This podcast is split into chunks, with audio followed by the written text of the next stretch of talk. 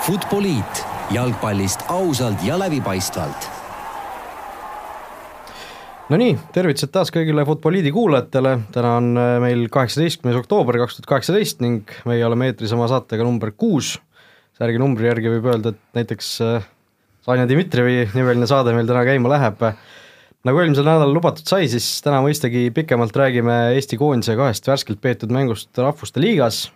seejärel võtame vahele mõne kiirema ja lühema teema ning sukeldume saate teises pooles siis spordipettuste hämarasse maailma minu nimi on endiselt Raul Ojasäär, minu kõrval nagu ikka Rasmus Raidla. tervist! ja meie, lisaks meile siis on täna stuudios ka üks külaline, äh, Maarja Tromp on selle mehe nimi, äh, legend äh, Eesti jalgpallimaastikul, võib-olla ütled ise, mis sinu see kõige õigem nimetus olema peaks? jaa, esmalt tere ka minu poolt, no ütleme, Eesti jalgpallihuviline ja suur sõber. Ja Nõmme Kalju suur fänn, tundub, tuleb juba vaikselt õnne soovima hakata vist? Jah, vaikselt võib-olla küll Nõmme Kalju entusiast jah, entusiast. räägi Maarja alustuseks kiirelt ära, aasta alguses hakkas ilmuma selline huvitav jutusaade nagu Fännid baaris, mis on natuke soiku jäänud viimasel ajal, mis, mis seal juhtus, miks see formaat nüüd katki on jäänud? jah, eks seal ole erinevaid põhjuseid, esmalt on see, et, et meie fännimaastik on nii väike, et neid teemasid, millest arutada, on parasjagu vähe ja ja noh, ja eks meil siin selles mõttes, et otsustasime, et et teatud, teatud põhjustel vahepeal ei saanud Sokanetiga koostööd teha ja siis sinna ta jäigi. okei okay., olgu nii, aga Maarja on meil täna siis tõepoolest saates eelkõige seetõttu, et rääkida siis saate teises pooles äh, kihlvedu, kihlvedudest, kihlveda, kihla veamisest, vedamisest kihla vedamisest. jah, ja, ja sellest, selle maailma sellisest pahupoolest ja, aga omi arvamusi ja vaateid saab ta meiega mõistagi jagada ka Eesti koondise teemadel. nii et äh, rahvus, Rasmus, alustuseks pöördun sinu poole, küsin äh, kas võime juba vaikselt mudaliigaks valmistuma hakata, et null-üks kaotus Soomele, kolm-kolm Ungariga, mõlemad kodus, ei jäta just kõige paremasse seisu meid? ma arvan, et võime vaikselt äh, mudaliigaks valmistuma hakata, aga ma arvan, et äh, et sellele veel võib-olla tuleme hiljem tagasi, et võib-olla keskenduda nüüd kahele konkreetsele mängule, et äh, eile ka arutasime, et kui on sellised kaks paralleelset mängu, siis tihti on ikkagi see, et justkui see teine mäng jääb fookusesse hiljem, et oleks nüüd teistpidi olnud, võib-olla ma räägiks koondisest mustemates toonides on ju, et jälle ei tulnud väravat, aga kui see kolm tükki tuli, oli niisugune vana aja niisugune täriaeg tundus, et lööme ja laseme ka ja et noh, minu, minu jaoks oli see Ungari kolm-kolm mäng üks viimase aja niisuguseid lõbusamaid jalgpallielamusi koondise seltsis, et noh, rahvuste liiga on ka natuke niisugune, et ega meil oli teada, et no üleliia tõsine see noh, ei ole, et ütleme, võrdluses valikturniiriga, on ju ja noh, okei okay,, tore oleks olnud võita, aga ma arvan, et meid ikka ohustaks Mudaliiga ka koos sellega, et noh, siin on rasked mängud veel tulemas. et noh, mis oli tore, et me lõime väravaid, Anier sai põuast lahti, siin Siim Luts, kes ei olnud kaks kuud mänginud, lõi värava, et äh, oli nagu tore, aga samas noh, oli ka näha, et kui ei ole Klavanit, siis Baranov, Tamm, iseenesest toredad poisid ja noh, küll nad õpivad, aga ütleme, kui ma tahaks valiktsüklites, ma ei tea, kolme sekka saada alagrupis või kus iganes, et et Baranov, Tamm kahekesi ei ole selline paar, millega rahvusvahelisel tasemel mängida, et äh, kui nad on üks, emb-kumb neist on Klavani kõrval, siis küll. et need on võib-olla esimesed mõtted siis nendest mängudest. Maarja, mis mulje sulle jäi äh, nendest kahest Lillekülas peetud kohtumisest? Jaa, nagu Rasmus ütles, eks, eks muljed on erinevad ja, ja viimane mäng oli selles mõttes oli kindlasti pealtvaatajale oli nagu väga vaatemänguline, et kolm väravat ja ja noh, eks ise ka imesime taha, aga aga noh, ma arvan, et see ei ole halb, et me sinna D-liigasse langeme, et et hetkel meil ilmselt ka järelkasvu koha pealt on sellised hetk, ajad tulemas, et midagi väga paremaks lähiaastatel ei lähe, et ma arvan, et see D-liiga oleks meil täpselt paras. Jah, et kahe aasta pärast siis uus Rahvuste Liiga tuleb, praegu on veel täiesti lahtine, kas see on kuidagi seotud selle MM-valikturniiriga, kas ei ole, nii et selles suhtes tõesti on pisut neid lahtisi otsi küll, aga aga ütleme, tegelikult see kaitsemäng, no siin Kaspar Elissaar, Sokranite peatoimetaja kirjutas ka, et meil probleemid algavad kaitsemängust, et no ma ei tea, kui palju ma sellega nõus olen, aga aga ütleme, kui meil tõesti Klaavanit ei ole, meil ei olnud esimeses mängus metsa, siis, siis kindlasti see kaitse on, on selgelt haavatav. Mm, noh, kui me vaatame Soome mängu, siis tegelikult äh, Baranov ja Tamm tegid tegelikult väga hea, eriti Baranov, noh lõpuks küll eksisid seal koos ja lisaks Aksalu nagu ette posti, aga aga tegelikult see mäng mängiti kaitses nagu väga-väga hästi ma ei ütleks, et noh, kui me vaatame ka Ungarit, siis on ikkagi, kui ees on kümme aastat mänginud Bundesliga-s tippründaja, siis ongi Norrast raske tulla sinna. jah, seal eks Ungaris oli ka ju see kolm-kolm värav oli Bundesliga versus Norra esiliiga, et see no, täpselt, täpselt. Tase, tasemevahe tuli nagu hästi välja, Rasmus väravaid lõime kolm-kolm, aga, aga noh, kaks tükki nendest olid nagu noh, üks oli ikka see Artur Pika oma oli ikka päris koba peale, noh, heas mõttes, teine, teine see Anieri oma oli ka ikkagi, sööt tuli ju noh, kogemata sinna, sattus. jah, ütleme nii, et noh, mulle endale oli suhteliselt hea tunne enne mängu, et me vähemalt värava lööme, et mingi hetk peab tõenäoliselt teooria meie kasuks rääkima, et meil on, me ei ole nüüd rünnakul üli, üliefektiivsed olnud, aga meil on neid võimalusi olnud siin, Kostja lõi Soome kaitse tõrjus seljaga, on ju, sisuliselt joonelt ära ja et noh, meil tekib nüüd lõppude lõpuks peab pall sisse minema, et noh, muidugi see on üllatus, et neid nii palju tuli ja ütleme tõesti viimased kaks olid niisugune poolõnnega, et eriti hea meel on just sellest Anieri väravast, kuigi jällegi mis, mis juttu me räägiks, okei okay,, ründajad hinnataksegi värava järgi, aga mida me räägiks, kui seda väravat ei oleks tulnud, on ju, okei okay,, ta andis söödu, aga näiteks noh, ta tegi seal tööd, aga minu, ma ütlen ausalt, kui sai kahekümne kolmandal minutil kollase kaardi, siis minul oli ülejäänud mäng hirm, et ta saab kohe punasest, ta tegi seda kogu aeg edasi ja see vilistati mitu korda veel ära, minu arust ta tegi veel tavalisi vigu ka, et enne väravat mul noh, korduvalt, kaks korda vähemalt mõtlesin, et äh, kas ta võetakse nüüd välja või mitte, et siin on oht reaalselt punasele kaardile, aga lõpp hea kõik hea. jah, et äh lõi oma värava ära ja sai ka siis äh, kindlustas, ütleme seda esiründaja kohta ilmselt äh, pigem, et see Sapineni proovimine seal Soome vastu väga hästi ei, ei läinud. no ei tulnud kohe üldse välja, et äh, eks seal oli keeruline nagu loota ka, et ta seal midagi väga suudaks teha. aga jah, Manier tegi oma ära, noh, tublisti tööd ja, ja kui lööd värava ja annad väravasöödu, siis mida ründajalt veel tahta Sapini kohta ma ütleks ka veel nii palju jah, et natuke kindlasti Eesti mõistes andekas ründaja, ma arvan, koondises ka mõne aasta pärast väärt mees, aga ta ise ka on maininud, et ta jääb veel füüsiliselt nõrgaks, et jäi niisugune mulje, et poisike meeste keskel, et niisugused rumalad vead, et noh, sa jäid igale poole hiljaks, tegi ka seda pukki ja noh, tiris, noh, iseenesest tore, et sa oled aktiivne, aga noh, täpselt selline, et et siis kui muud välja ei tule, siis vähemalt üritad treeneri näidata ja teed vastast elu ebamugavaks, mis on ka positiivne, aga noh, ütleme reaalselt palliga noh, tegelikult huvi poolest võiks need puuted kokku lüüa või paljud üldse reaalselt ohtlik oli, seda ei tulnud, et äh, tagantjärele on seda naljakam võib-olla, et kuidas siin äh, nädal aega pisut sihuke Inglismaa meedialikult räägiti, et nüüd on äh, värava, väravamasin meil tulemas ja sangar ja et noh, tegelikult see Hollandi esiliiga on sisuliselt ikkagi U kakskümmend kolm liiga vist midagi sihukest, et seal mängivad duublid väga palju, see keskmine vanus on suht madal, et ta mängibki seal noh, enda sama vanustega, kui sul tulebki noh, mingi kolmekümne aastane sihuke kogenud mees vastu, siis seal on hoopis teine asi, noh. Jah, mulle tundus ka Martin Reim pärast seda Soome mängu pressikonverentsil ütles nagu natuke, natuke sellise lause, et et millega nagu justkui oleks vihjanud, et, et ma ju ütlesin, et, et Sapinen nagu nii kõva vend ei ole, et ta ütles umbes midagi sellist, et et noh, et nägime ju ära ka, et kodu, ükskõik mis koduliiga taseme pealt tuled, isegi kui sa seal väravaid lööd, siis rahvusvaheline tase on ikkagi hoopis teine ja ja see noh, see, see ei tõlgenda, tõlgenda automaatselt äh, nagu väravateks ka koondises, kui sa Hollandi esiliigas lööd, et see see, seda kindlasti me nägime, aga noh, Sapinen on, ma arvan, variant ikkagi mingiteks mängudeks, eriti kui me sinna D-liigasse langeme, kus meil on ilmselt suuremas osas mängudes on nagu pall on meie käes suure osa ja ja see, selles suhtes kindlasti teda kuskile tagasi U kahtekümmend ühte ei pea viskama. jaa, täpselt, no U kakskümmend ühte teda enam visata ei saagi nüüd järgmine tsükkel, aga aga kindlasti jah, need mängud, kus me ise valdame rohkem palli, et selles skeemis peaks Sapinen päris hästi sobima, aga nagu Rasmus välja tõi, siis äh, äh, Hollandi teine liiga on jah, niisugune küllaltki noorteliiga, varasemalt Eesti liigas mänginud ka ikkagi enamus tiimid, väga noored mängijad kaitses, et et selle taha jääb tal nagu hetkel väga palju jah, et, et tipus täitsa läbi lüüa. Ma arvan, mille juurde, millele me ei ole, veel ei ole ka rääkinud, et äh, tegelikult need väravad ja mingil määral tuli ja kõik sellest, et meil on nüüd neljane kaitseliin, et mis, mida sellest arvate? Jah, see neljane kaitseliin, eks ju, mingites olukordades ta on ikkagi viiene, kus see Mets või noh, Dmitrijev langeb sinna kahe keskkaitse vahele isegi täiesti, et et ma nüüd nii suurt äh, drastilist erinevust äh, selles suhtes ei näe, et me võõrsil Soome vastu mängisime suhteliselt sarnaselt tegelikult, kus Mets oli, oli ka ju tegelikult äh, suurtes olukorda, suuremas olu, suuremas osas olukordadest oli siis nii-öelda alumine poolkaitse, et et, äh, et see üleminek nagu viiese pealt neljase peale on tehtud suhteliselt selliseks sujuvaks, et et ei ole, ei ole seal mingisugust erilist äh, pea ees vette viskamist äh, olnud, et et no nagu Mets ka ütles tegelikult, et kõik ju klubis mängivad seda neljas kaitseliini, et meil ei ole siin tippjalgpall, kus on see viiene jalgpall või viiene kaitseliin on väga levinud, et et see kindlasti on, on nagu harjumuspärasem mängijatele ja,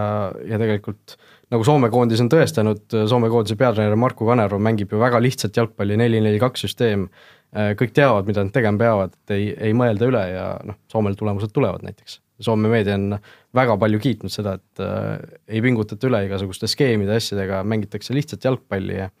ja, ja nagu näha, siis neljast neli võitu, väravate vahe viis-null jah, et tegelikult ju, et mida, mida kehvemal tasemel sa oled, seda primitiivsem see jalgpall tegelikult võiks olla, et, et selles mõttes, et see Soome on läinud nagu väga õiget teed pidi. aga kui me räägime nagu väravatest Ungari vastu, siis ma ei ole kindel, kas see nagu tulenes formatsioonist uuest siis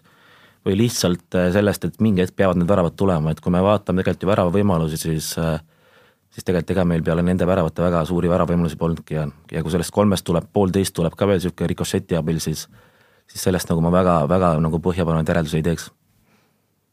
Soome koondisest ma räägiks ka, et äh, minu jaoks tegelikult on üllatus, et nad on täiseduga, et mõlemad mängud Eestiga minu arust nüüd ei olnud midagi erilist. ma ütlen Eesti koondise vastu võib-olla see viimane kakskümmend minutit, see nüüd reedene mäng, siis oli tunda seda survet ja lõpuks tuli noh, aga et nad Kreekas kaks-null võitsid, et seda, seda, seda toredam, aga noh, on siin räägitud, et kas nüüd tuleb Soomele lõpuks see finaalturniir ära ja buum ja kõik, et ma nüüd vaatasin äh, seda nii-öelda rahvuste liiga süsteem on siis see, et me oleme siis teatavasti C-liigas, eks, et äh, alagruppide võitjad mängivad omavahel nii-öelda finaalturniiri pileti nimel, aga noh, vaatan hetkel esikohad on Serbia, Norra, Soome siis ja Iisrael, et noh, peavad ka kas või näiteks Serbiat edestama, et noh, tegelikult see pilet on veel suhteliselt kaugel, on ju. kuigi meie alagrupis nad tõesti on Kreekast kuue punkti kauguses, sisuliselt nad on alagrupi võitnud. et äh, tore näha vähemalt, et neil hästi läheb ja noh, nagu näha, iseasi, kas see oli nüüd väga nüüd tulemuste tõttu või see, et mäng oli Eestis, aga päris palju fänne oli siin ka jah, see, sellest fännide teemast tahaks ka kindlasti rääkida, et äh, selle Rahvuste Liiga süsteemi peal peatume hiljem äh, natukene pikemalt, aga aga tõesti, see fännide asi oli, oli täiesti noh, piinlik võiks öelda, et väga-väga äh, palju inimesi jäi ikkagi koju ja noh, kui Soome tuleb siia, laulab meid ikkagi selgelt üle ja on meist üle nii noh, visuaalselt kui siis ka, kui siis ka nii-öelda häälega, siis siis noh, see on, see on piinlik lihtsalt jaa, kindlasti väga piinlik, et äh, eks, eks siin on nagu objektiivsed ja vähem objektiivsed põhjused, et miks, miks see nii nagu läinud on, aga aga ma ikkagi nagu rõhuks sellele nii-öelda spordikultuuritusele, et et äh, noh,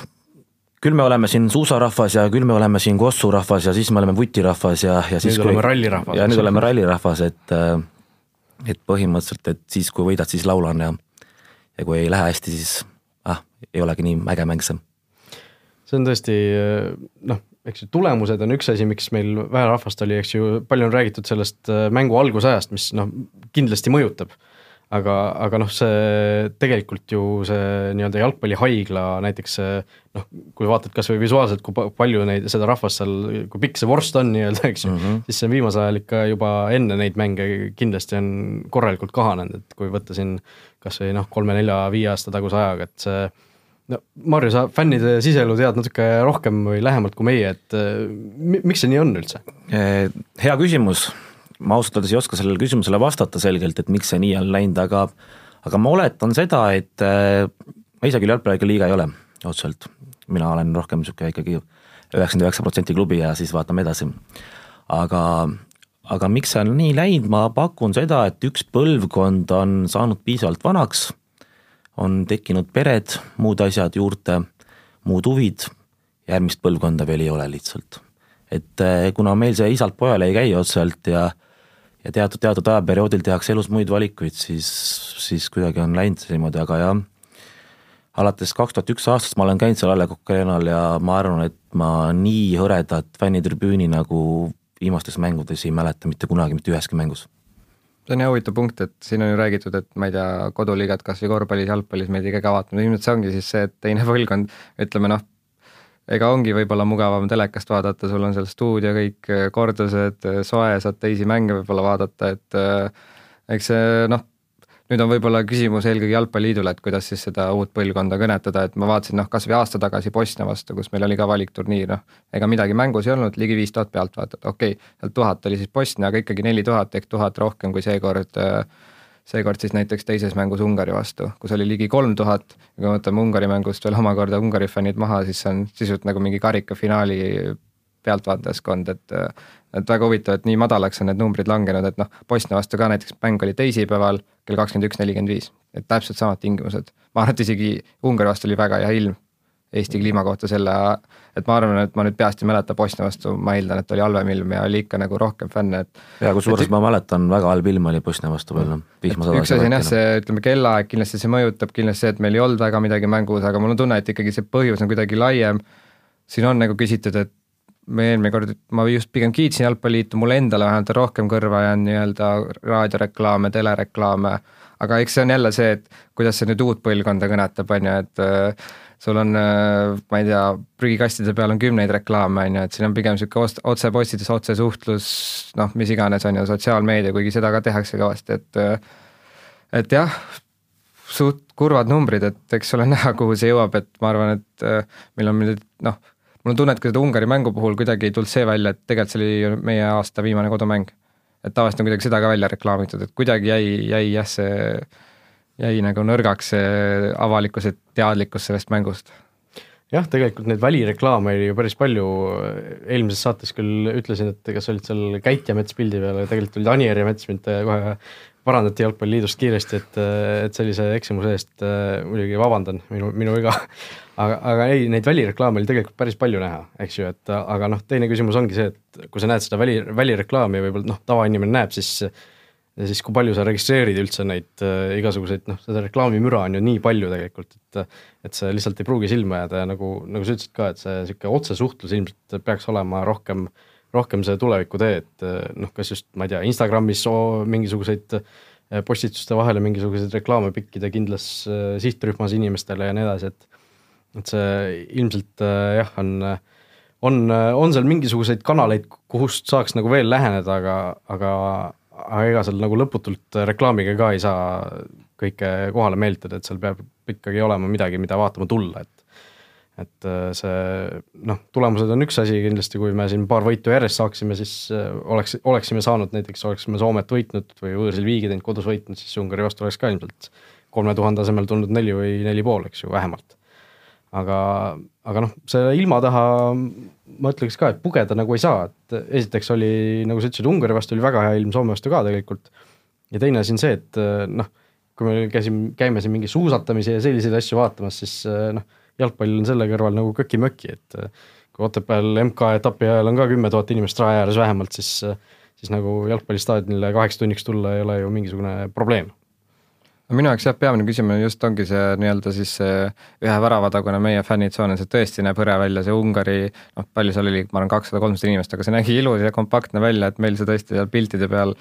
noh, ju tuli pika nii-öelda rikošetist värav, kuigi Anieri värav tuli sinnapoole, minu arust on ikka vanasti olnud niimoodi, et noh, kogu meeskond jookseb sinna tribüüni ette ja noh, ilus on vaadata seda, siin toodi ka mingi Läti mäng umbes kümme aastat tagasi välja, et noh, see tribüün oli täiesti sinine, et nüüd minu arust seal noh, väga rõõmus, rõõmsad olid kõik, aga see ei olnud otseselt noh, siin on statistikat ka tehtud, me lööme sinna rohkem väravaid ja kõike muud, et et justkui, kui see kaob ära, siis on nagu, siis on kehva, mul on tunne, et oskad sa öelda, mis siin nagu,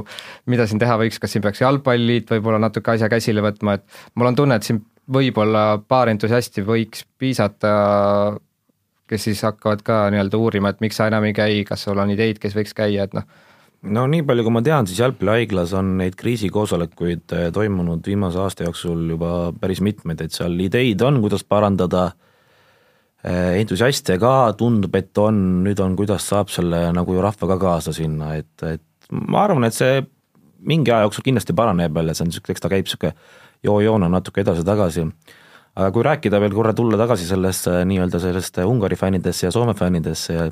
ja Eesti langemisse D-liigasse, siis äh, ma arvan, tegelikult see on juba sellepärast hea, et siis ei ole seda ohtu, et et külalisfännid meid üle laulavad, nagu siin eelmine nädal kaks korda juhtus no mine tea, et sinna D-liigasse võivad langeda siin, vaatame, kes C-liigast on praegu viimasel kohal, Albaania no,, Sloveenia. no ma mõtlesin jah, neid San Marino, San Marinos ja Andorrasi, et, et nendega äkki ohtu ei ole noh ei jah, seda küll, et äh, ma arvan, et äh, no üks asi, mida tegelikult võiks teha ju, mida Foorumis toodi ka vist välja, et on äh, noh, kui see praegu pikk vorst panna lihtsalt kompaktsemalt kokku sinna nii-öelda mm -hmm. selle uue alumise tribüüni peale ka natukene, siis võib-olla näeks natukene, natukene parem asi välja, aga no jah. ja see näeks parem välja ja see kõlaks ka kohe kindlasti palju paremini just, et mida lähemal sa ju oled, seda, seda noh, lähemalt sa kuuled seda kõike ja ja üks teooria, mis mul endal veel on, et ma arvan, et võib sisse juhatada selle nii-öelda rahvuste liiga üldise teema, et mul on ka tunne, et tavainimene lõpuni ei saa aru, mis see rahvuste liiga on siis. on need sõprusmängud, valikturniir ka nagu ei ole, et et ka võib-olla see teadvustustöö, okei okay,, ma arvan, et see paraneb ka, aga eriti kui nüüd järgmine kord see tuleb, et mul on, mul on tunne, et see on ka nagu mingil määral mõjutanud seda. et inimesed täpselt ei tea, mis mängus on või mis nüüd, mis siin toimub. jah, seal Ungari mängu vaheajal äh, Peep Pahv oli mängul kaasas ja siis äh, rääkis seal Mihkel Uibolehega ja Uiboleht ka selgitas talle, et tegelikult tegelikult tõesti, nad on nagu ka täheldanud, et äh, rahvas ei ole veel nagu täpselt aru saanud, mis asi see Rahvuste Liiga on, et et äh, noh, ta võttis, tõigi näite, et kui on noh, valikturniiril on ütleme sada protsenti see publiku huvi, siis siis äh, noh, järjest astmete kaupa lähevad alla, et Rahvuste Liigal on noh mm -hmm., paratamatult see publiku huvi on nagu noh, kui, kui samasugusele mängule tuleb valikturniiril üks arv, siis Rahvuste Liigas tuleb noh, kuuskümmend protsenti, kuuskümmend viis, seitsekümmend protsenti, midagi sellist, et et see on, on tõesti, ei ole nagu, ei ole nagu hästi, hästi lihtsalt veel inimesed ilmselt ära harjunud selle asjaga. ja, ja kusjuures tundub, et see ei ole ainult Eesti probleem, sest kui vaadata ka nagu teiste Rahvuste Liiga mängude publiku arve, siis ka need olid üllatavalt madalad seal. noh, seal oli palju mänge, oli muidugi, oli tühjade tribüünide ees, aga aga see keskmine vist oli äkki kogu liiga peale mingi neli-viis tuhat või noh, mingi täiesti müstiliselt väike number. jah, tõesti, et ähm, aga mõtlesimegi, et natukene parandame võib-olla seda asja, räägime natukene läbi, et mis asi see Rahvuste Liiga siis lõpuks, lõppude lõpuks on, et mis, mis siis nüüd edasi saab, kui see, kui need novembrikuised mängud ka ära lõpevad, et äh, selguvad siis need tiimid, kõikide alagruppide võitjad, eks ju äh,, saavad äh,, keda on kokku siis kuusteist nelja, nelja selle nii-öelda divisjoni peale, kindlustavad siis endale vähemalt koha play-off'is, kaks tuhat kakskümmend märts äh,, need EM äh, EM-i play-off'id toimuvad, toimuvad siis pärast valikturniiri. ja üks asi, mis äh, võib-olla inimestel ongi kõrvust mööda libisenud, on see, et, et valikturniir on täpselt samasugune, nagu ta varem oli. et seal midagi nagu äh, teistmoodi ei ole, äh, teisel detsembril siis juba sel aastal loositakse need valikturniiride alagrupid, kümme alagruppi, viis alagruppi on viie meeskonnaga, viis alagruppi on kuue meeskonnaga ja, ja ehk siis kümne alagrupi esimesed kaks kohta, kõik saavad automaatselt koha finaalturniiril, ehk siis äh, kakskümmend meeskonda kahekümne neljast selguvad siis ikkagi tavalise valikturniiri äh, äh, põhjal, et seal midagi nagu väga teistmoodi ei ole. ja kui, aga kui varem siis mängisid play-off'i need nii-öelda alagruppide kolmandad kohad, siis siis nüüd edaspidi hakkavad play-off'i mängima need rahvuste liiga nii-öelda või noh, koostatakse need rahvuste liiga põhjal ja ja, ja seal lähebki siis asi natukene võib-olla keeruliseks, millest, millest on raske natuke aru saada ja millest isegi mina, noh, kes ma täna natuke seda eeltööd ikkagi tegin, uurisin erinevaid, vaatasin neid mingeid graafilisi videoid ja siis, siis võib-olla kõigest päris täpselt äh, ei olegi nagu kindlalt aru saanud, et et äh, kuusteist meeskonda, eks ju, kes, kes siis praegu juba endale selle play-off koha tagavad, äh, nendest kindlasti päris paljud saavad endale selle ka valikturniiri kaudu, eks ju, endale selle pääsme juba finaalturniirile, ehk siis nemad langevad sealt play-off'ist ära, nemad play-off'i enam ei pea mängima ja nende asemele tulevad siis rahvuste liiga põhjal mingisugused järgmised meeskonnad. ja, ja see, ja noh, seal lähebki asi keeruliseks, sest, sest kui ma vaatan näiteks noh, A-liiga on ju kaksteist, kaksteist meeskonda, ei ole sugugi võimatu, et ütleme, kõik nemad saavad valikturniiri kaudu. ja siis, kui on B-ala, B-liiga alagruppide võitjad nendele tuuakse vastu siis B näiteks noh, äh, noh, nemad mängivadki omavahel, eks ju. ja siis äh, saavadki A-liigasse, saavad äh, ütleme, need või noh, A-liiga play-off'ist saavad siis, saavad mängida need võistkonnad, kes saavad B, B-liigas jäid kuskile teiseks, kolmandaks, midagi sellist, et mm -hmm. suhteliselt nad noh, selline segane süsteem natuke, et mulle tundub teoreetiliselt, et noh, mis oleks meil, kui me nüüd jääks C-liigasse, oleks ka parem, et teoreetiliselt siis, kui näiteks Soome ja äh, Kreeka saaks valikturniiri kaudu, ütleme kohe otse pileti, siis meil oleks lootus seda play-off'i mängida, ma saan vist õigesti aru äh,? ei Või? saa ilmselt, sellepärast et meie ei saa jah, aga sest... E-, eelmised saavad veel äh,. jah, sest äh, seal on äh, noh, rahvuste liiga üldise järjestuse järel läheb see okay., ehk siis kui noh, Soome ja Kreeka näiteks saavad, siis siis ilmselt saavad äh, mõne teise C-liiga grupi teine koht näiteks, noh praegu näiteks esimeses grupis Šotimaa on, on teisel kohal, nemad saavad enne meid, et et meil, meil ikkagi praeguse seisuga sinna play-off'i jõudmine oleks ikka päris keeruline, et selleks me peaks ilmselt need mõlemad mängud Ungari ja Kreeka vastu võitma, mis siin alles on jäänud, aga aga noh, eks, eks ilmselt kõik saab selgemaks, kui see asi päriselt kätte jõuab, et kui neid näiteid saab nagu päriselt, päriselt tuua, et kes seal, kes seal võitma, kes seal kaotama peab, et et meil mingisugune šanss avaneks, aga meil ilmselt ei avane seda šanssi. See on hea kokkuvõte, ma arvan, et äh, loodetavasti pilt natuke selgem, eks see vajab harjumist natuke ja loodetavasti tegite siis väiksed konspektid ka ja ilmselt kui UEFA Nations League panna Google'i otsingusse, siis on seal ka noh, vaikselt niimoodi iga päev natuke õppida, küll siis lõpuks on selge. aga ma arvan, et lähme kiirete vaheteemade juurde, esimene vaheteema siis nädalatrahvid, et äh, siin tuli palju distsiplinaarkomisjoni otsuseid, esimene Eesti Jalgpalliliidu distsiplinaarkomisjon määras kolmanda liiga klubile Rumoli Calcio neljasaja viiekümne eurose rahatrahvi, kuna Rumori Calcio mängija ja president Angelo Palmeri solvas kohtunik Eiko Saart. võrdluseks siis äh, Zaha Vaiko, siis teine nii-öelda nädalatrahv sai kakssada eurot, kes siis ETV otse-eetris ütles, et see vile vist oli a la häbematu, nahaalne, häbiväärne, läbinähtav, hiljem veel rääkis Okkenitile veel pikemast lahti, ei taganenud oma sõnadest. et äh, seal on päris palju liiga tasemeid Premium-liiga ja kolmanda liiga vahel, et äh, mõlemad sõimavad kohtunikku, teine saab kaks pool korda suurema trahvi, et äh, räägime siis selle ka lahti, et äh, Angelo Palmeri ilmselt äh, nii mõnedki vutisõbrad on kursis, kellega tegu on, et selline ka võib siis öelda välismaa Eesti jalgpalli entusiast, kes siis oma Facebooki privaatsel kontol või noh, ütleme isiklikul kontol kirjutas siis sellise postituse JK Retro võrdub maffia. et äh, JK Retro ehk siis ütleme esialg, esialgselt pandud kokku ideega koondada endiseid koondidasi, mul on tunne, et see aastate nii-öelda pikku on natuke see idee laiali läinud, et seal on ka muid ideid, noh selge, et ongi need endised koondised saavad aina vanemaks, lõpetavad ära, et seal on pigem selliseid, võib-olla lähevadki, siin on vist see aasta mängis Jevdokimov seal, et Tupik on mänginud, pigem niisugust vist ei, okei okay,, neil on ka vist mõned äkki koondise mängud, aga laias laastus koondise legende seal nüüd nii palju ei ole, et seal on eelkõige niisugused endised nii-öelda noh, tipptasemel mängijad. Ja ma siis vist saan õigesti aru, et nad saavad sisuliselt vist tasuta mängida, justkui et prom-, promote ida siis äh, jalgpalli ja mängivad väga heal staadionil,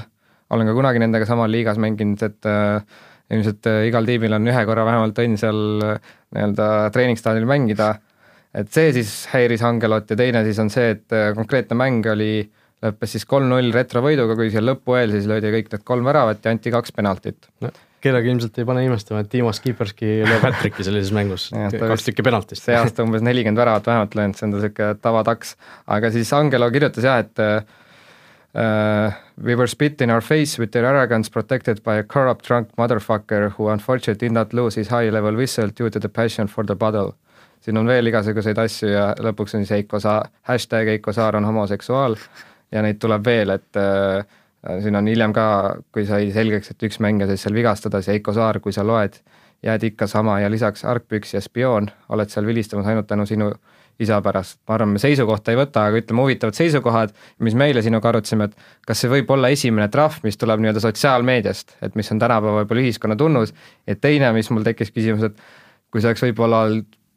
keegi teine kolmanda liiga mäng, kes ei ole võib-olla nii hästi tuntud ja oma kontol see ei ole, võib-olla oleks kuhugi jõudnud, okei okay,, Palmeeri on ka oma meeskonna esindaja, on ju, et see natuke, aga ikkagi, et ütleme, kui mõne teise meeskonna esindajaks samamoodi. ja lisaks tekkis küsimus, et kui see oleks itaalia keeles olnud, et kui sellest väga hästi poleks aru saadud, et kas siis oleks trahv tehtud, et igal juhul äh, päris huvitav äh, juhtum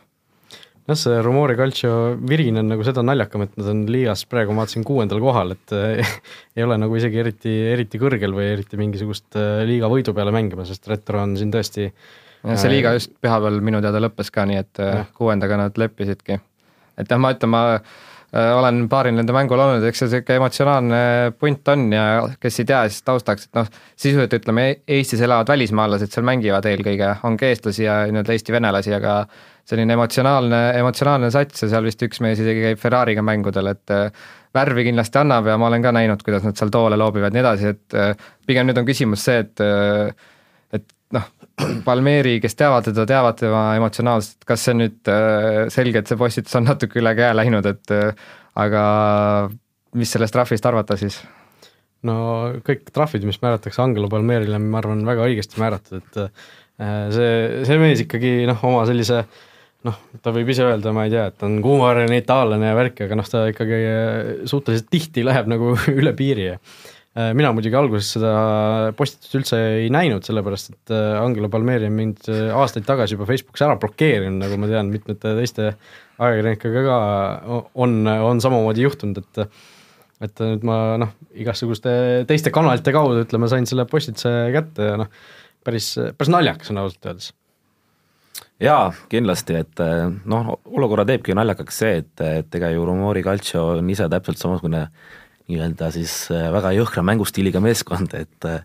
et see teeb naljakas, aga noh, ütleme, et ausus on karistatav, nagu, nagu öeldakse siis, et ja Rasmuselt väga, väga huvitav küsimus, ma arvan, et esimene trahv küll Eesti jalgpallis, mis on nii-öelda siis läbi sotsiaalmeedia arvamusavalduse kujutatud, et, et see on kindlasti jah, pretsedent jah, ja trahv oli päris karm ka, et nelisada viiskümmend eurot. jah, et ja Savvaiko, kes ka väga nüüd leebelt ei rääkinud, okei okay,, seal ei olnud konkreetselt võib-olla konk-, noh, ütleme ei sõimatud joodikuks või kedagi, aga ikkagi oli konkreetne niisugune, noh, ta on isegi enne vihjanud, et äh, vilistatakse Flora kasuks ja mingeid niisuguseid asju, et siis vist sai sada eurot, et noh, see näitab selle asja nagu tõsidust, et äh, noh, iseasi, kui palju see nüüd Palmeerit sinna umbes pool aastat, kuus hooaega hakkab ja kas siis võib-olla oleks efektiivsem olnud äh, ütleme, ma ei tea, meeskonnalt punkte maha võtta, kas siis see hooaeg või järgmine hooaeg või Palmeerile mingi keeld, et see nelisada viiskümmend eurot, noh kindlasti amatöörklubile see on suht suur osa näiteks hooajamaksust, et ka kindlasti, kindlasti nagu noh, ma arvan, et see trahv eh, mehele või klubile, kumma, kumba pidi see oli? Äh, klubile Rumori Calcio okay.. et jah, et äh, trahv on ikka noh, lõppude lõpuks umbes, umbes äh, potato potato, et ilmselt sama mees vastutab ja maksab selle või peab selle summa kokku ajama, et jah lihtsalt ütleme nii, et huvitav, et äh, madalamas liigas niisugune suur trahv ja selline reaktsioon. jah, et äh, igale mehele kuutasusse kakskümmend eurot juurde ja äkki saab kokku. jah, aga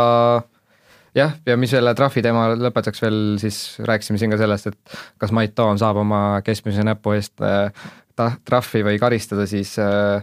äh, eraldi karistust distsiplinaarkomisjon ei määranud, kuigi noh, Mait Toom ka ei mängi ilmselt see hooaeg enam ja äh, mis iganes sealt oleks tulnud, ilmselt see oleks noh, võib-olla paarsada eurot klubile, aga sealt nii-öelda midagi ei tulnud. just nii, aga läheme edasi teise kiire teema juurde, ma ei teagi, nädala selline äbarik siis võib-olla on äh, Läti koondis. Äh, nemad siis, kui meie Rahvuste Liigas saime ka siin äh, ühe punkti kirja, siis nemad said ka ühe punkti kirja, aga said selle D-liigas ja ehk siis kodus Kasahstaniga üks-üks viik ja seejärel siis null-kolm kaotus Gruusiale otsa, et et Läti jalgpall ikka noh, väärib ikka kogu täiega seda mudaliigas olemist, tundub. no koondisjalgpall on hetkel ikka tõesti väga mudas, et, et kui ma nüüd ei eksi, siis Patlainen vist on veel treener neil jätkuvalt, et et see on üks vahva treener, et ükskõik, mida ta puutub, see läheb kohe väga-väga halvaks, et kiit-, kiitos, kiitos see, kui Paadelainen noh, Läti koondise peatreeneriks määrati, siis minul tekkis ka esimene mõte, et nagu mis kohaga need inimesed seal juhatuses mõtlevad, et et mis, mis osa nagu Paadelaineni minevikust neile muljet avaldas või mis paneb, paneb neid arvama, et et Läti koondist nüüd mingisugune tõus tema käe all peaks ootama, et noh, kõik on, kõik on läinud nii, nagu eeldada oli, et esimeses mängus sai muidugi võidu kirja Eesti vastu seal Balti turniiril, mis oli, mis oli muidugi kurb, aga aga pärast seda on noh, jah, mis on huvitav, et seesama Balti liiga mäng, et ma ise seda Lätis ka vaatasin ja okei okay,, seal oli noh, Balti liiga meil oli ka, ei olnud nüüd parim koosseis, aga Läti oli ikkagi meist seal üle. et ei tundunud pildiliselt nii kehv, ma vaatasin nüüd esimest mängu Andorraga, aga noh, null ideed, kuidas väravat lüüa, et eh, ehk eestlaslikult võib-olla saame lohutada, et kui meie koondseis pole kõige parem, siis vähemalt naabril tundub, läheb veel harvemini, et ärme, ärme, ärgem unustagem, et seal alagrupis on näiteks Andorra. Ja nad on nelja mänguga teeninud kaks punkti ja Läti ja Andorra siis sama pulga peal jah, Läti kodumäng Andorraga on juba peetud, ütleme nii et jah, äh, üks värav nelja mänguga, isegi meie oleme rohkem löönud, äh, võib siin pärast viimast mängu öelda. et tõesti, äh, noh, Gruusia tundub jah, seal sellest alagrupist on juba edasipääsu endale kindlustanud, vaatame selle D-liiga kiirelt üle ka, et praegu siis teises grupis Luksemburg ja Valgevene ilmselt mängivad selle esikoha peale, kolmandas grupis Kosovo ja Aserbaidžaan ja neljandas grupis siis äh, on seis veel äh, eriti, eriti põnev, Makedoonia üheksa punkti, Gibraltar teine koht kuus punkti, Armeenia kuus ja Liechtenstein kolm, et seal võib veel ilmselt kõike juhtuda, aga noh, ilmselt ikkagi Makedoonia selle võidu sealt ära võtab. Gibraltaril jah, siis back-to-back äh, võidud kuus punkti, et siin oli ka vist, et äh, mingi selline vaimukas tsitaat, et Gibraltar on see aasta võitnud rohkem ametlikke mänge kui Saksamaa. Et see on see rahvuste liiga võlu ja valu, et äh, ma arvan, et Gibraltar on väga tänulik niisugusele süsteemile ja nagu sa lugesid need alagrupid ette, siis hetkeliidrid siis Makedoonia, Kosovo, Luksemburg, Gruusia ja ärme unusta, üks sellest pääseb finaalturniirile. et see on päris punk, kuigi noh, lõppude lõpuks ma arvan, kui Gruusia või Makedoonia läheb, see ei ole nüüd nii, niivõrd suur asi, aga noh, ütleme, kui see oleks Kosovo või Luksemburg, oleks hoopis, hoopis huvitavam. ma arvan, et Kosovo jalgpallile võib-olla see oleks kõige suurem äh, nagu äh, teine, kui see finaalturniiri koht tuleks, et Kosovo teame ju selline noor, noor riik ja, ja see, neid jalgpallureid tegelikult kõrgel tasemel, neil on ju päris palju tegelikult, et et noh, kellel siin on Kosovo juured, kes, kes on nagu Kosovo koondise, koondislaseks ennast teinud, kes ei ole, et noh, kui siin Shakirisid ja Shakasid ja kõiki selliseid vaadata, et et Kosovo jalgpall kindlasti on, on, ma arvan, noh, kümne aasta pärast kindlasti on vähemalt selline noh, tugev keskmik C-liiga tasemel, et äh, see, neid kindlasti see D-liiga, ma arvan, pikalt kinni ei hoia. Kosovo jah, ma mäletan, kui see nii-öelda nad selle liikmelisuse said, siis päris palju toodi välja, et kellel oleks võimalus neid esindada, et see oli päris kõva nimekiri, vist Janu sai oli näiteks seal, kuigi Janusel on üldse vist viis-kuus riiki, keda ta võiks esindada. et äh, noh, ütleme huvitav sats jah, ma olen nõus, et ilmselt noh, sealtkandist äh, on suhteliselt hea jalgpallikool, ilmselt hakkavad päris hästi nii-öelda noh, Euroopa keskmikele vastu. ja mis veel võib-olla rääkida, et äh, Saksamaa, mis siis seal, mis siis sellest arvata, et üks punkt hetkel äh, null kolm Hollandile, Prantsusmaa vastu viimane mäng, esimene poolega väga hea, siis äh, mitte nii hea teine poolega kaotus jälle, MM-il langeti ka välja varajases faasis, et oskate öelda, mis seal võiks siis olla lahendus või probleem, et on siin räägitud, ütleme, rahvused, noored versus vanad, kas Joachim Lööv on õiges kohas, et eh, noh, mul on tunne, et Saksamaa nüüd väga pikalt põe, et nad saavad aru, et see rahvuste liiga ei ole nüüd nii oluline, aga pigem on probleem nagu laiem, et mis need mängupildid ja tulemused näitavad. Jah, et eks see Löövi ametisse jäämine või ametisse jätmine pärast seda MM-i krahhi oli, oli kindlasti üllatus, et ma mäletan, mina mingisuguses leheloos, mis ma kirjutasin pärast seda, kui Saksamaa välja kukkus, et et noh, ilmselt kõigi eelduste kohaselt nüüd äh, jäi see viimaseks mänguks ka Löövile, aga noh, tuleb välja, et ei jäänud, et et äh, noh, okei okay,, need äh, kolm mängu on nagu peetud Rahvuste Liigas, et äh, Prantsusmaa ja Hollandiga, et ei ole mingisuguste nõrkade vastastega päris, et et Holland siin küll viimastel aastatel on muidugi olnud, olnud selline noh, keskmiku tasemele langenud aeg-ajalt Euroopas, aga, aga tegelikult me teame ju kõik, et neil mängijate tase on vähemalt äh, tegelikult päris korralik, et et äh, see nüüd mingisugune eriline suur häbiasi ei ole, aga noh, Saksamaa-suguse meeskonna jaoks kindlasti tähendab selline, sellised kolm mängu, väravate vahe üks-viis äh, ikkagi väga sellist äh, noh, selgelt, selgelt alla lati alt jooksmist, et äh, et ma arvan, et äh, noh, kui mitte MM-i järel, siis vähemalt selle Rahvuste Liiga järel küll nüüd lööb äh, lõpuks minema lüüakse. Ma jah, vaatasin ka seda Saksamaa-Prantsusmaa mängu, et see oli tegelikult nagu selles mõttes oli väga huvitav mäng, et äh, Saksamaa esimene poolek tõesti suurepärane, oleks võinud enam-vähem kaks-kolm-null võita ja teine poolek, ütleme, võib-olla isegi väärset kaotust. aga löövi koha pealt jah, et tõesti oli huvitav, et, et ta nagu jäi ametisse ja ja kõvasti katsetab, et eks ta tundub, et nagu natuke paanitseb, et ta ei tea, mida ta täpselt teha tahab, et proovib uusi asju ja ei toimi ja ei toimi. aga laias plaanis noh, Saksamaa ilmselt kukub nüüd A-divisjonist välja, et äh,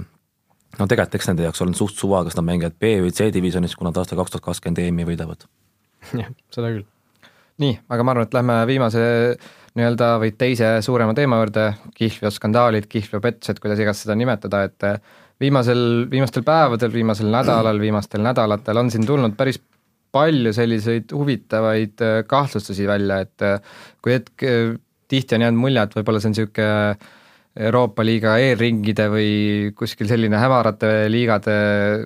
saatus või selline äh, raske koht, siis hetkel tippjalgpall on täiesti nii-öelda luubi all, et meistrite liiga, et Pariis Saint-Germain võitis kolmandal oktoobril kodus kuus-üks Belgradi Zvena Zestat ja väidetavalt siis Zvena Zesta seal mõned juhtfiguurid soovisid miljoneid eurot panustada sellele, et võida, BSG võidab siis viie väravaga. teine näide on siin Belgias on suurem skandaal lahvatanud, kus on päris palju inimesi vahistatud, seal on nii ajakirjanikke, agente, klubi juhte, seal vist mingi osa sellest on ka nii-öelda rahapesu on selle kaudu üritatud teha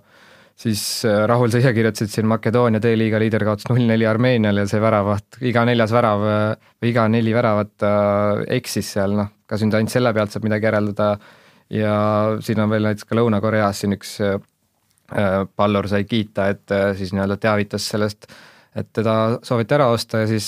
pakuti umbes, ma ei tea, vist viiskümmend tuhat dollarit ja siis jalgpalliliit või liiga kiitis teda, sai kuuskümmend viis tuhat selle, selle asemel, et päris huvitav, et nii, nii kõrgel tasemel sellised probleemid, aga noh,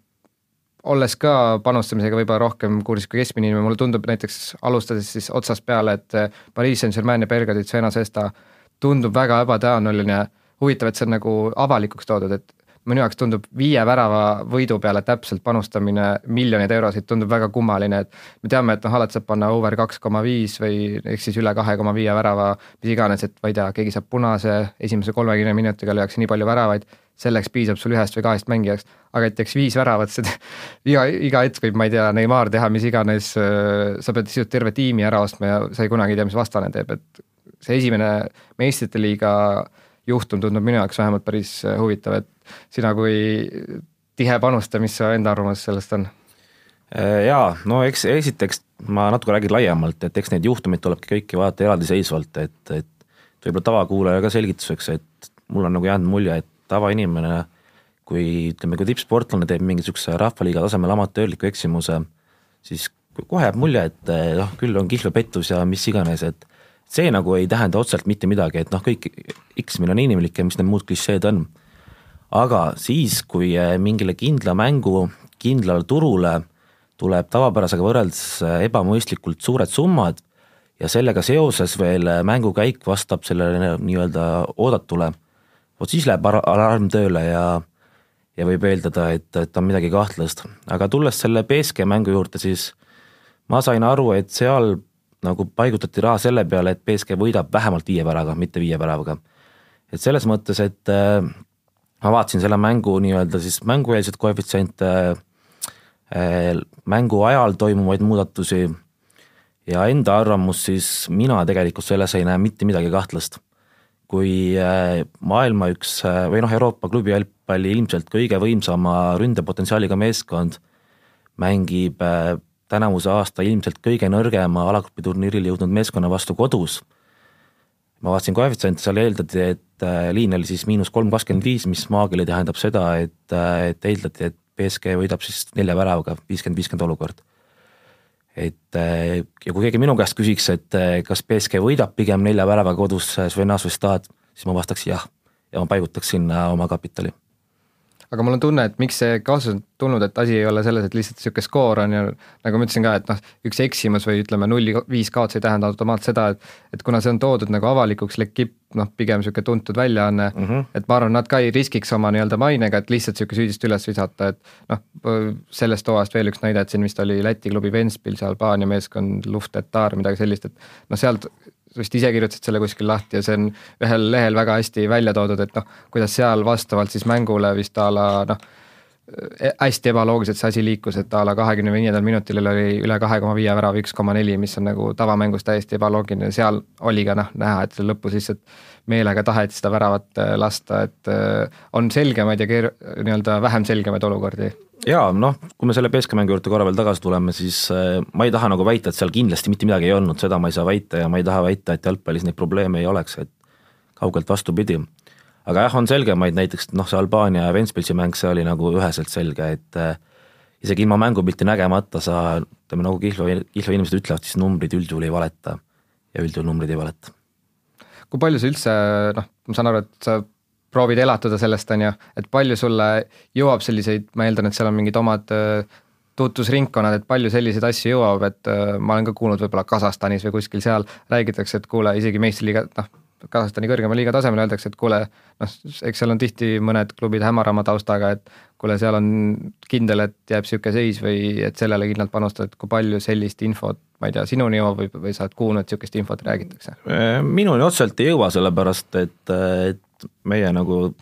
tegeleme spordi analüüsimisega, mitte, mitte kahtlaste tehingutega. aga põhimõtteliselt, kui, kui ma laivis nagu mänge jälgin nii-öelda siis numbrite liikumist, siis noh, ütleme jah, et pole nädalat, kus ei ole kahtlaseid mänge, mis on sel-, ilmselgelt manipuleeritud. kus need mängud on? ütleme. noh, on niisugused teatud, teatud toredad liigad nagu Ukraina madalamad liigad äh,, Albaania, Kosovo, Aafrikas teatud liigad, et noh, millest tavapanustaja võiks hoida eemale, sest seal kunagi ei tea, et isegi kui mängukäik on täiesti, kõik tundub äge, siis äh, väravad võivad tulla kuhu tahes ja kuidas iganes. Aga oled sa aru saanud, miks need kihlvekontorid neid asju pakuvad, mulle endale on väga kummaline tundunud, miks näiteks pakutakse Eestis teist liigat, et äh, noh, mul on tunne, et see, kes seda panustab, on niikuinii kontorist eelist omab, samamoodi need Ukraina teised liigad, mulle tundub, et sa ei, see, kes see panustab, see nagu omab su ees eelist ja see, et mul on tunne, et probleemi saaks välja uurida nii, et kontorid ei pakuks neid mänge. jaa, täiesti nõus olen, olen sellega, et kui neid külaliigas ei pakutaks, siis äh, seal külaliigas ei tekiks ka neid probleeme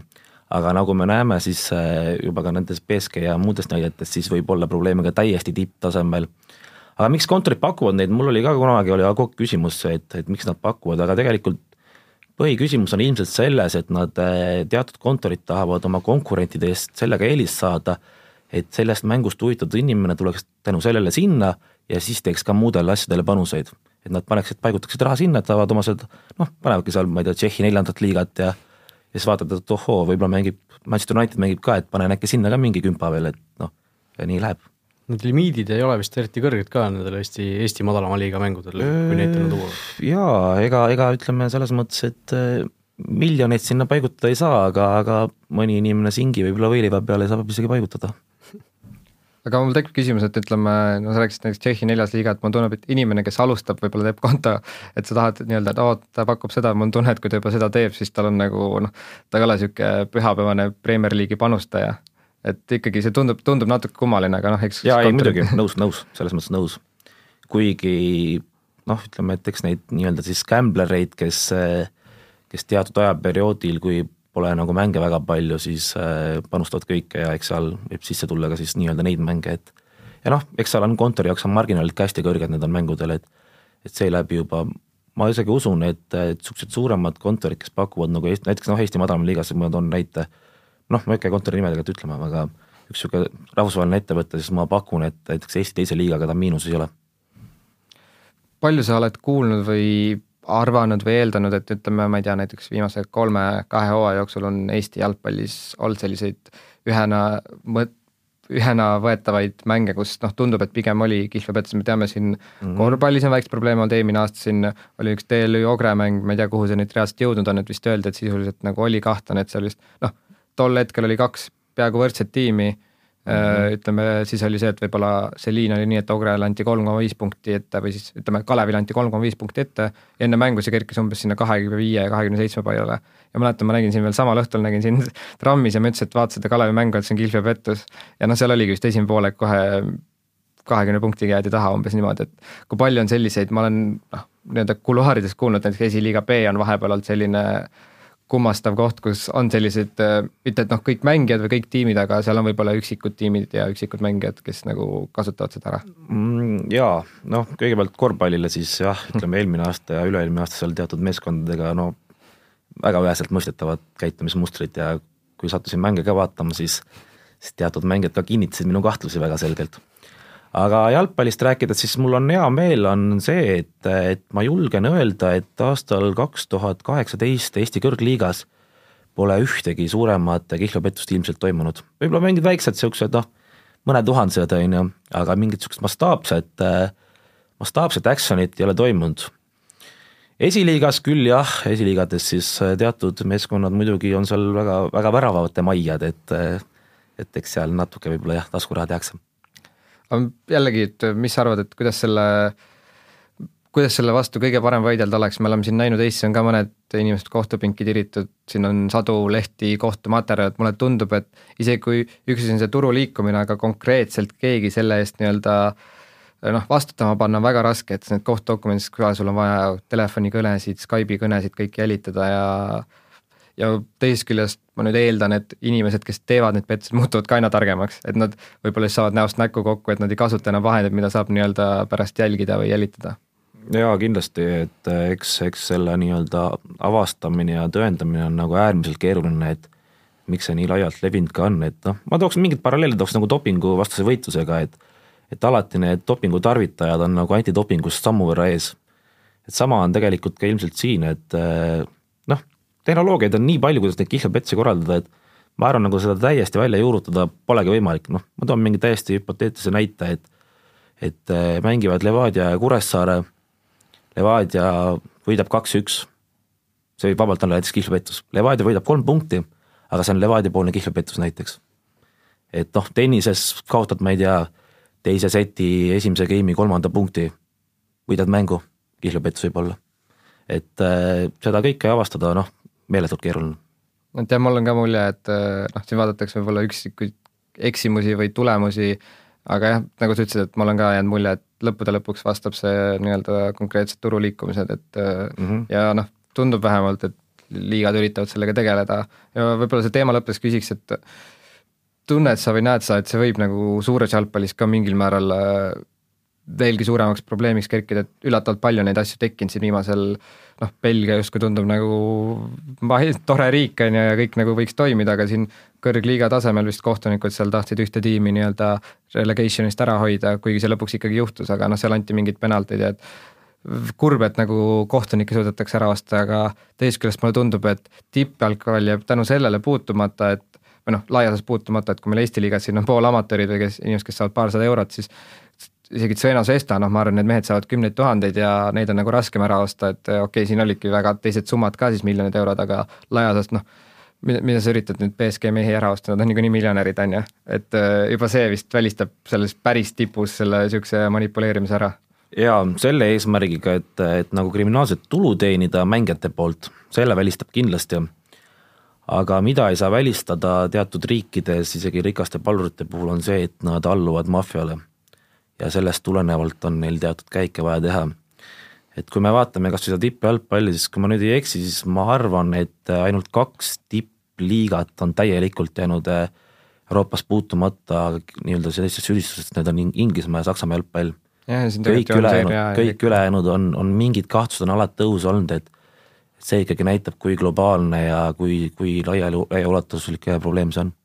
ja selle Belgia näite juurde tulles, siis äh, ongi, kui mängijad teenivad ju kümneid tuhandeid palka, siis äh, tegelikult kohtunikud ju nii palju raha ei saa, et et võib-olla see, see nii-öelda fookus lähebki nende petturite puhul just selle kohtunike peale, et et neid võib-olla on, on nagu lihtsam rahaga, rahaga mõjutada, et et nemad äh, kindlasti nii palju palka ja raha ei saa, kui, kui mängijad teenivad, et võib-olla seal on äh, on mingisugused äh, võimalikud, võimalikud tuleviku liikumised, aga samas kohtunik ei saa kindlasti mõjutada mängu nii palju, kui näiteks mõni, mõni kaitse saab. Ja mulle tundub ka, et Maarja tõi õige punkti välja, et noh, ongi see, et tihti võib olla see, et kui sa korra lähenetakse teatamata või sa korra oled nii-öelda andnud näppu, siis sealt on väga raske välja saada, et sul hakataksegi nii-öelda noh, ähvardama sisuliselt, on ju, et et nüüd võib-olla päris teema, näed sa, et ma ei tea, kuidas Eesti sport üldisemalt võiks selle vastu võidelda ütleme, Eesti, ma ei tea, EOK pöördub sinu poole, sina kui panustamise ekspert, et aita meil selle vastu, noh, jälgidki Eesti liigade liikumisi ja annad nagu teada, et ma saan aru, et siin on mingid,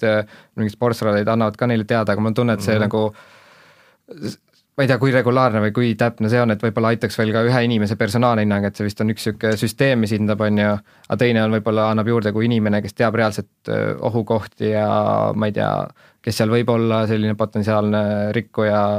klubi või mängija poolest? jaa, absoluutselt, noh, ütleme, et eh, kui ma, kui ma nagu väga paljudel muudel teemadel olen näiteks Jalgpalliliidu vastu olnud nagu väga kriitiline, siis selle teema koha pealt Aivar Pohlaku ja kompanjonides nagu tõesti müts maha, et tõesti on, head tööd on tehtud sellega, et ei ole pead nagu liiva alla peidetud, vaid probleemile nagu silmi, silma vaadatud. aga mängudes siis, eh, siis ma ütlen ausalt, et, et ma olen tihtilugu olen, no mitte tihtilugu, aga on olnud juhtumeid kus ma olen teada andnud Jalgpalliliidule, et ma arvan, et see mäng on kahtlane.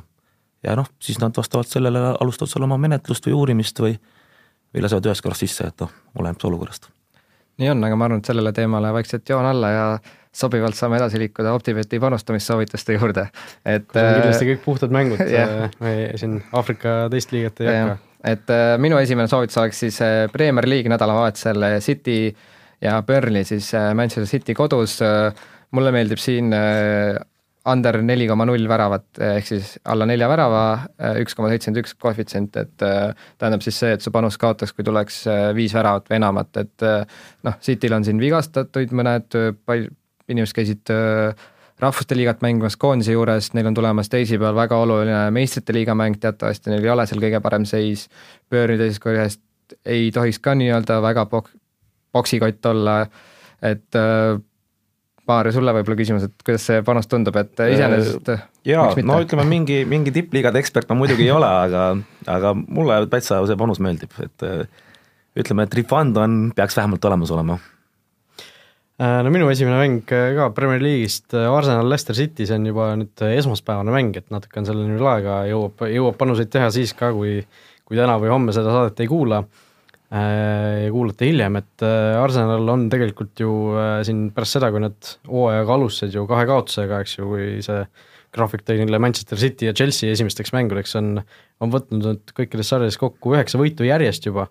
et Unai Emeri tegelikult meeskonna päris hästi toimima saanud ja ja samal ajal Lester siis on noh, sisuliselt sellise oma ära teinud, et praegu siis kümnendal kohal ja noh, nende võimeid koosseisu arvestades noh, suhteliselt selline paras koht nende jaoks, et et ei midagi, ei midagi säravat, ei midagi väga halba, et Arsenal kodus mängib ja nende võidukoefitsient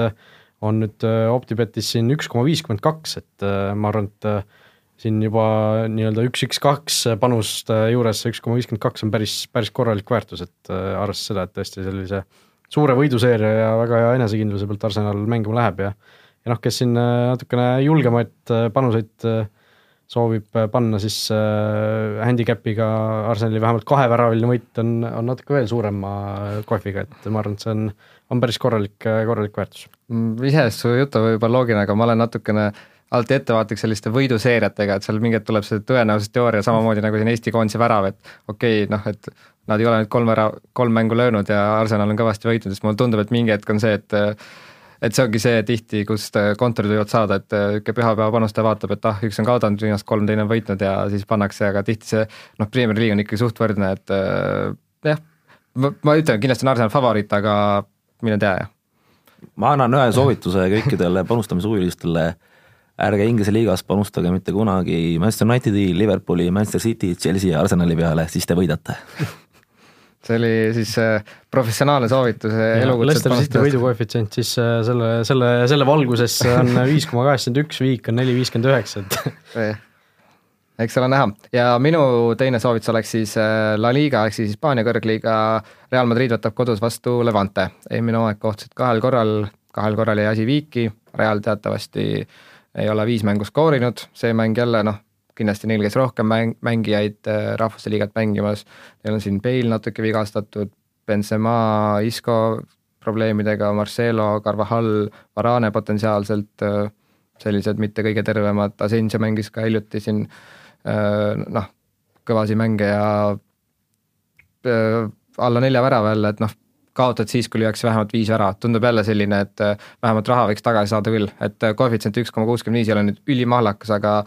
aga see teisest küljest noh, tundub väga tõenäoline jällegi rääkides ka sellest, et noh, Realil omakorda meistrite liiga ootamas, nad ka ju kaotasid CSKA-le ja neil ei ole ka seal midagi rõõmustavat, et suhteliselt sama loogika nagu City puhul, et miks mitte jah, ja lõpetuseks siis äh, laupäevane mäng äh, taas Premier League'ist, West Ham, Tottenham, nagu Maarja ütles äh,, suurte meeskondade peale ei tasu panustada, Tottenhami vist ei nimetanud seal, sealjuures. jah, unustasin, aga, aga võib ka neid sinna punti panna. Või noh, sõltub sellest, palju sellest, palju neil fänne maailmas on, ma ei tea. Et äh, tõesti, West Ham tegelikult hooaega alustas väga kehvasti, aga nüüd on ennast vaikselt käima saanud ja Tottenham samal ajal siis viimati alistas kodus Premier League'i noh, kõige nõrgema meeskonna Cardiffi ainult üks-null, et et võib-olla seal tasuks just seda väärtust otsida nagu West Hami poolt, et kui nad kodus ka mängivad, siis äh, noh, niisama võidukoefitsient West Hamil neli koma null kolm, aga topeltvõimalusega, ehk siis võit või viik, West Ham üks koma seitsekümmend kuus. jah, see väike, väike Londoni derbi ka veel, et, et alati nendes mängudes ka võib-olla vaadata siis nagu paberil nõrgema meeskonna poole, et ma arvan jah, West Hami panus on seal täitsa okei. Okay nii on, aga sellele teemale ka joon alla. Lõpusõnade juurde, tänud sulle, Maarjo, siia tulemast me kuulame teiega jälle nädala pärast, kakskümmend viis oktoober, nagu ikka, saate meid kuulata igas äh, podcast'i rakendus, iTunes, SoundCloudis äh,, igal pool mujal, siis võite jälgida meid Facebookis, jälgida Delfis ja kirjutada siis ka meile kirju, loodetavasti peaks toimima futboliit.ekspressmeedia.ee ja kui see ei toimi, siis raul.ojassaar.delfi.ee ja rasmus.raidla.delfi.ee, nii et äh, iga nii-öelda idee või soovitus on alati teretulnud jah, ja kindlasti Futboliidi Facebooki lehel post, sinna postkasti saab ka kirjutada, et see on võib-olla kõige, kõige sellisem turvalisem viis, et või kõige, kõige lihtsam, labasem, et sinna kindlasti meil need kirjad kohale jõuavad, et see on juba, on juba võib-olla kõige lihtsam, lihtsam viis, kuidas meiega ühendust võtta. aga aitäh, et olite meiega ja oleme juba, nagu mainitud, tagasi järgmisel nädalal, nii et kõike head! Futboliit jalgpallist ausalt ja läbipaistvalt